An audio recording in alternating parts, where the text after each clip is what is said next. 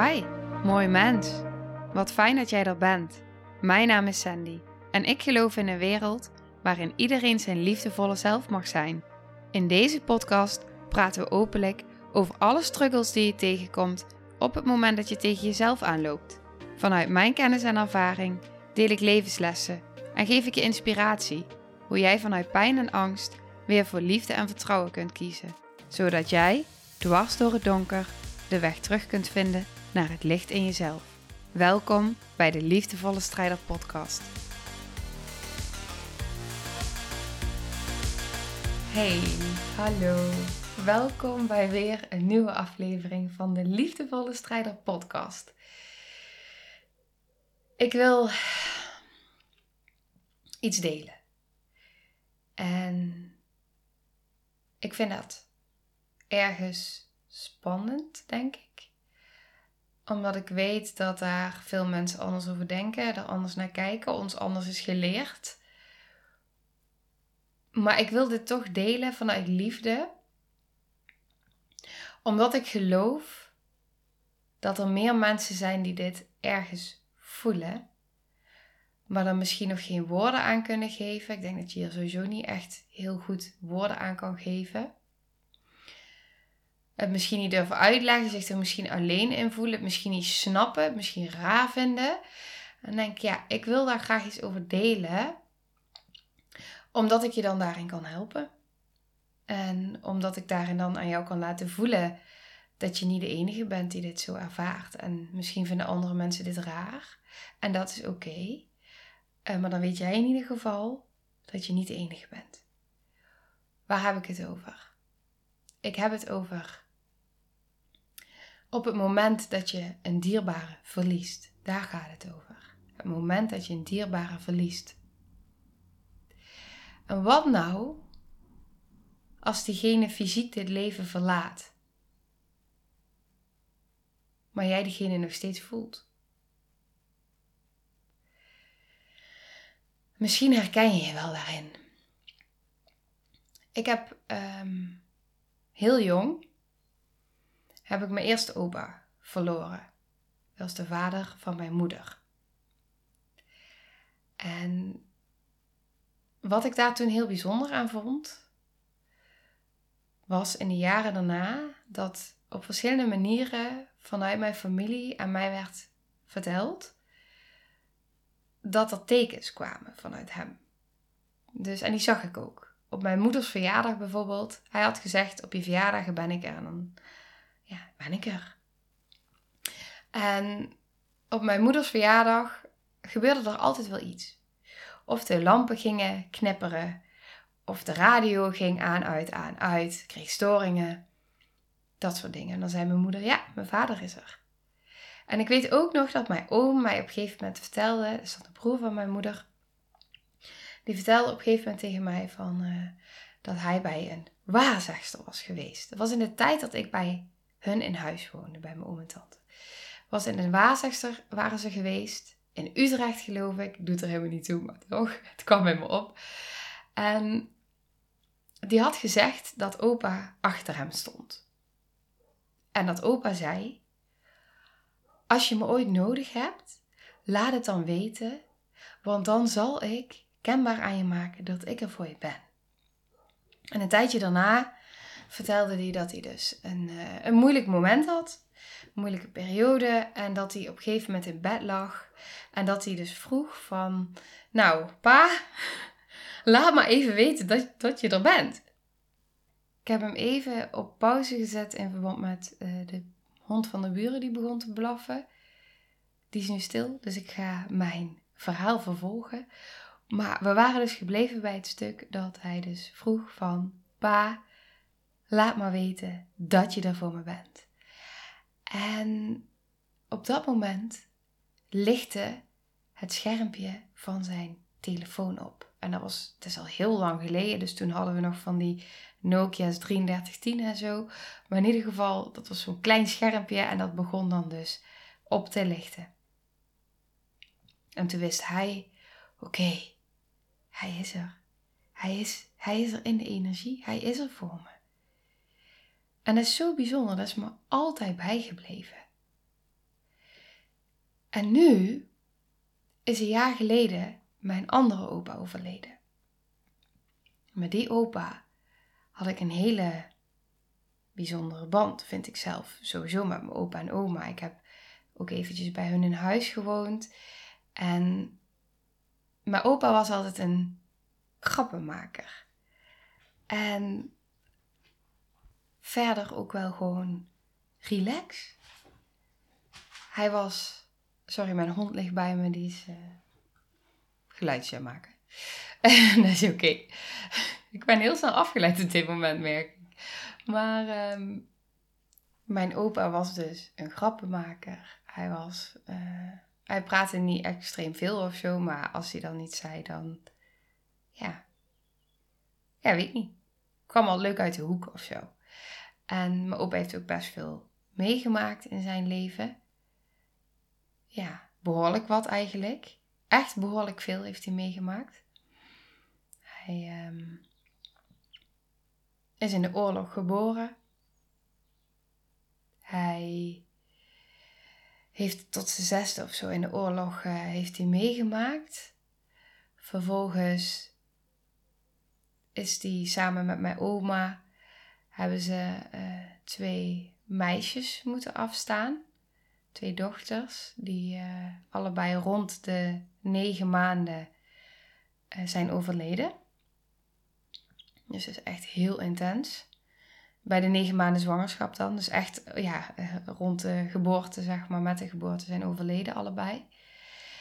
En vervolgens kreeg mijn opa ook rond zijn vijftigste de ziekte van Meniere. Dus een ziekte aan je evenwichtsorgaan. In je brein zit dat natuurlijk. Dus uh, had veel hoofdpijn, duizelig. Ja, veel, veel ja, fysieke klachten ook daardoor. Daardoor kon hij niet meer werken. En uiteindelijk zijn ze in 2019 uh, eh, hun zoon geboren, mijn peetoom, uh, geboren. Overleden aan uh, verloren. Sorry hoor. Aan, ja, aan kanker is die overleden. En dat is nu dus drie jaar geleden. En hij is vorig jaar overleden.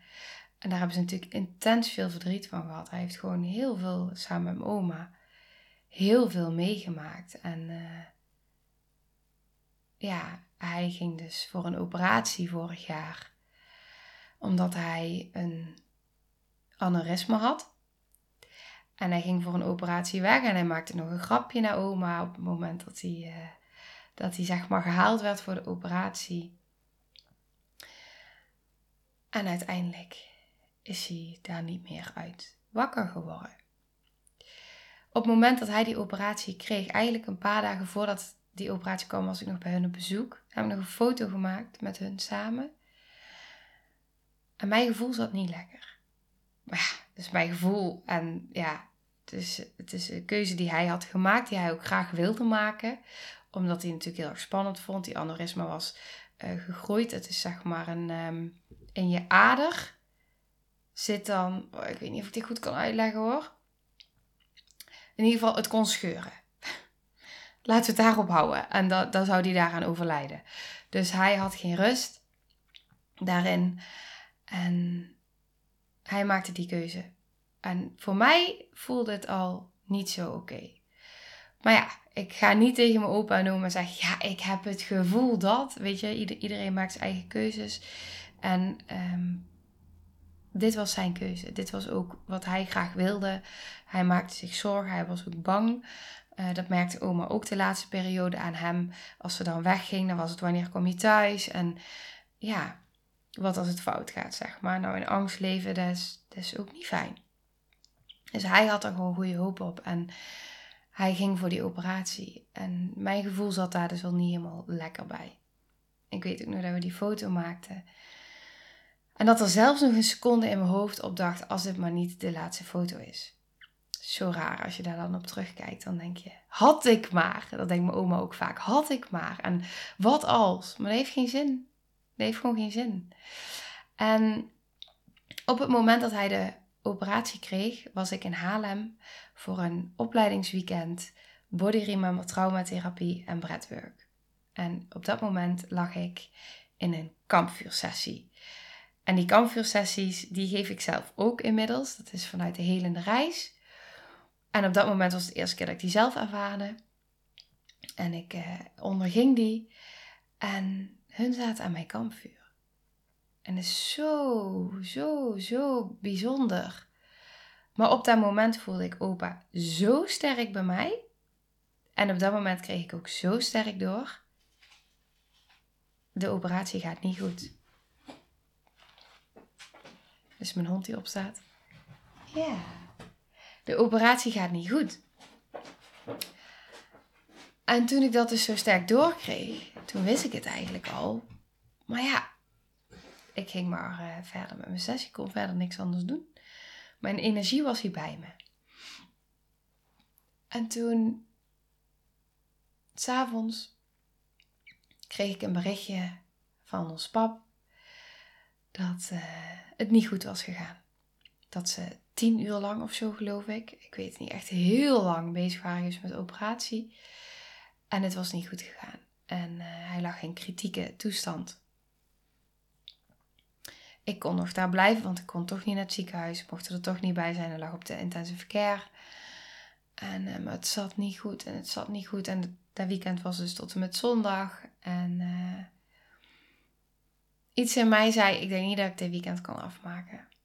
En dat klopte. Uiteindelijk werd ik dus uh, ja, opgehaald. En, om zo snel mogelijk naar het ziekenhuis te gaan. Ze wachten letterlijk op mij. Totdat ik uh, er was. Zodat ik erbij kon zijn als de stekkers eruit werden getrokken. En vanaf dat moment was opa fysiek niet meer in dit leven. Maar in de energie wel. En ik heb die hele begrafenis crematie, sorry, de hele crematie, de hele uitvaart, heb ik op een hele andere manier beleefd als toen ik als kind nog mijn andere opa um, de uitvaart ervaarde. Sowieso, ik ben veel, veel ouder geworden, dus het is natuurlijk compleet een wereld van verschil. Maar het voelde ook anders, omdat ik er heel anders naar ben gaan kijken. Dus in die pijn van het verlies van zijn fysieke leven en lijf, voelde ik hem nog steeds in de energie. En daarnaast voelde ik ook hoe bijzonder die hele week was om zo met z'n allen in verbinding iemand vanuit liefde los te mogen laten. En om dat met elkaar te doen, ik heb ook, we hebben ook op de kist geschilderd. En dat voelde zo helend. Ik weet niet of je de aflevering hebt geluisterd over het leven is een toneelspel. Daar vertel ik over uh, de tekening die ik als kind maakte voor mijn opa, die dus heel graag, ik heel graag mee wilde geven in de kist. Nu maakte ik dus uh, voor mijn opa op de kist tekeningen en ik heb een vlinder daarop geschilderd. En dat was zo, zo, zo fijn. Zo helend om dat te mogen doen. Om hem dat mee te mogen geven. Om dat op zijn kist te mogen schilderen. En ook om dat samen te doen. Ja, heel verbindend. Maar goed, dat is even uh, een side note. Maar dat, dat was echt. Ik vond dat heel bijzonder om te ervaren. En ook het zo bewust aanwezig te zijn bij het verdriet. Ik heb ook een tekst voorgelezen voor hem. En dat was ook fijn om dat nog te kunnen doen. Wel heel intens en heel verdrietig. Maar sindsdien voel ik hem nog steeds. Voor mij is hij er nog steeds. En dat is heel sterk, dat gevoel. Ik had eh, een paar weken daarna, toen waren ik en mijn man waren twee jaar getrouwd. Ja. En wij waren een weekendje Zeeland. En ik had een hele heldere droom. Die ik nu nog steeds helemaal voor de geest kan halen en kan vertellen. Een droom van twee jaar geleden. Uh, jaar geleden, sorry. En ik droomde dus dat ik hem naar het licht begeleidde. En dat ik daar dus oma bij haalde en papa bij haalde. En mijn andere oom die in Indonesië woont in de energie. En dat hij dus via een trap graag naar het licht toe wilde. En de volgende ochtend, na die droom, zat ik met mijn man in de auto en we reden naar het strand. En ik was hem aan het vertellen over die droom. En we waren gewoon überhaupt aan het kletsen over, de, over van alles. En op een gegeven moment zeg ik tegen hem: Ik moet de radio aanzetten. Dus ik zet de radio aan. En op dat moment komt een liedje van de crematie die we hebben uitgezocht voor opa. En daar zie ik als een teken. En ik kreeg helemaal kippenvel. En ik moest helemaal huilen. En ik dacht: Wow dit is echt, dit is echt zo. En sindsdien blijf ik ook tekens krijgen. Vlinders. Ik had laatst ook, als naar de crematie kwam, ook een vlinder bij me zitten. En ik had laatst, en niet zo lang geleden, een paar weken geleden, we hadden allemaal dozen, hadden we uh, van vroeger hadden we opgestapeld bij mijn schoonmoeder in huis. En die gingen het dak verbouwen. Dus die dozen die stonden in mijn praktijkkamer. Omdat ik zwangerschapsverlof had, was toch niet, uh, werd die kamer toch niet door mij gebruikt. Dus daar stonden die dozen. En op een gegeven moment was zij daar de was aan het opvouwen. Die stond daar ook. En ineens begon er een kaart muziek te maken. Zij bracht die doos naar bij. Ik lag nog in bed. Uh, net bevallen. En zij had die doos op mijn kamer gezet. En ze zei tegen mij van... Uh, ja, laatst begon er muziek te maken uit die doos, uit de kaart. Die kaart zit er daar misschien al tien jaar, als het niet langer is, in. Ik bewaar zo'n ding. En um, zij was bij mij aan het kletsen en binnen een half uur begon die kaart weer muziek te maken. Dus wij die doos openmaken en zoeken naar die kaart. En die kaart ging maar door met muziek maken. Op een gegeven moment hield hij op. Hadden we de kaart gevonden drie keer raden van wie die kaart was. Opa. Dat is geen toeval. Ik geloof niet in toeval. En voor mij bevestigt dat alleen maar meer en meer. Dat ik denk, ja, ik voel jou zo sterk. Jij bent er gewoon echt nog. En op dit soort manieren probeert hij dan toch te communiceren. Ik weet ook nog in die droom dat ik hem het licht bracht. Het is goed.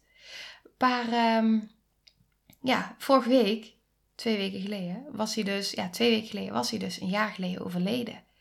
En die nacht, die nacht droomde ik dat hij achter mijn oma stond en dat hij zijn handen op haar schouders legde van, weet je, ik ben er. Het is oké, ik ben er.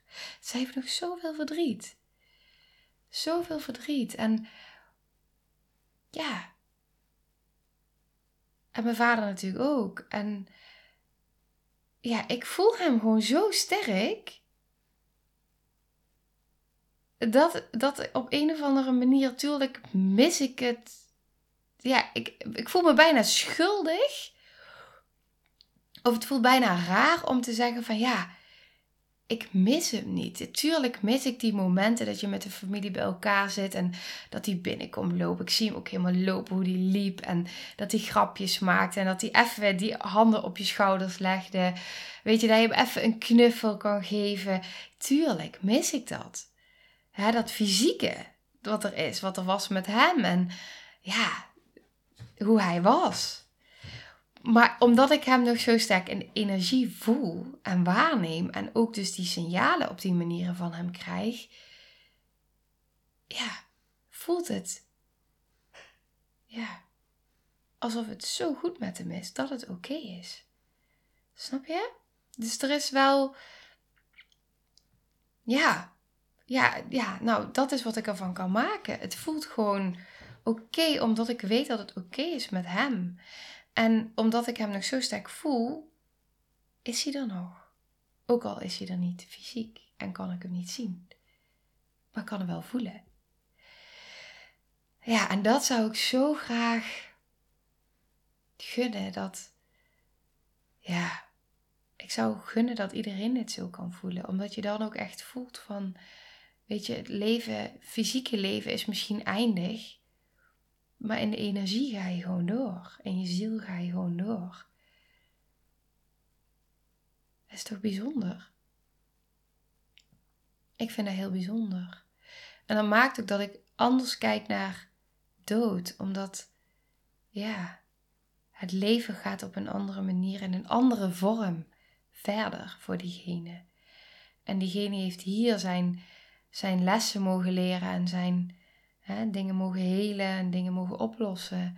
En ook mogen genieten en mogen ontdekken. Want ik denk dat dat is waarvoor we hier op aarde zijn. Om ook gewoon te genieten. En te experimenteren en uitdagingen aan te gaan. En jezelf te transformeren. En dan op een gegeven moment ga je in een ander leven weer andere stukken aanpakken. En weer op een andere manier verder. Alles ten dienste van je ziel. Ja. Nou, dat. Dus mocht jij dit ook zo voelen, ja, dan is daar misschien nu heel veel herkenning in. En mocht je het niet zo voelen, dan is het misschien ook ergens een fijn idee als je dat wil geloven, dat het wel bestaat. En dat is maar net hoe jouw mind daarover denkt. Want vroeger dacht ik daar heel anders over, is het me heel anders geleerd en aangeleerd en verteld. En daar voelde ik me niet zo goed bij. Ik voelde me nooit goed bij het. Ik vond het eng. Ik vond eng het idee als kind dat je doodgaat en dat je dan naar de hemel gaat of dat je naar de hel gaat. En toen dacht ik als kind, ja, als ik dan iets stouts doe en ik kom in de hel, dan zit ik altijd in een of ander brandend vuur. Voor altijd. Altijd en altijd en altijd. En daarna werd mij geleerd dat je doodgaat en dat er niks meer is. Dat je gewoon het leven verlaat en dat het dan stopt. Vond ik ook een eng idee. Dat het stopt, dat je gewoon dood bent en dat er oneindig, oneindig, oneindig. Als ik ga nadenken, hoe lang is dat oneindig dan dat er niks is? Voelde nooit goed. En op een gegeven moment, toen ik ging leren dat alles energie is.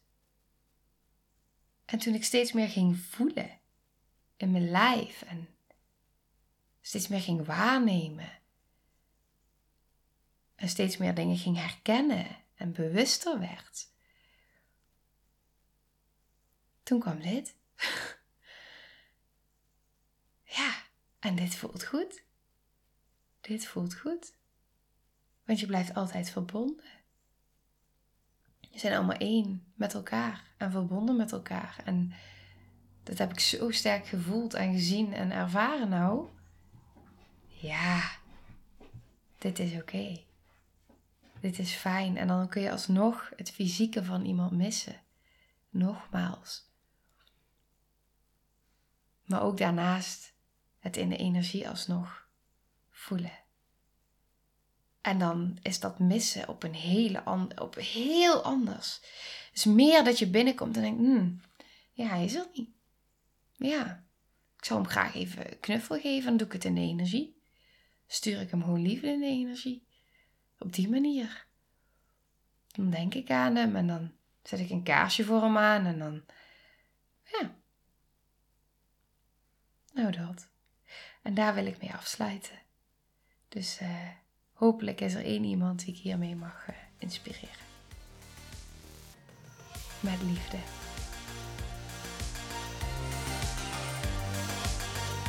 Nou, lieve mensen, ontzettend bedankt voor het luisteren. Ik ben heel benieuwd wat je van de aflevering vond en welk inzicht je eruit hebt gehaald. Mocht je nog vragen hebben of is er een onderwerp waar je meer over wilt weten, laat het me dan weten. En wie weet neem ik het mee in een van de volgende afleveringen. Als je het leuk vindt, kun je de aflevering delen. Of maak een screenshot en tag me op Instagram. Want ik vind het echt super tof om te zien wie er luistert. De link van mijn Instagram staat in de beschrijving bij de podcast. En wil je blijvend geïnspireerd worden? Klik dan op abonneer of volgen in de podcast-app waarmee je luistert. Dat zouden ik en alle toekomstige luisteraars enorm waarderen.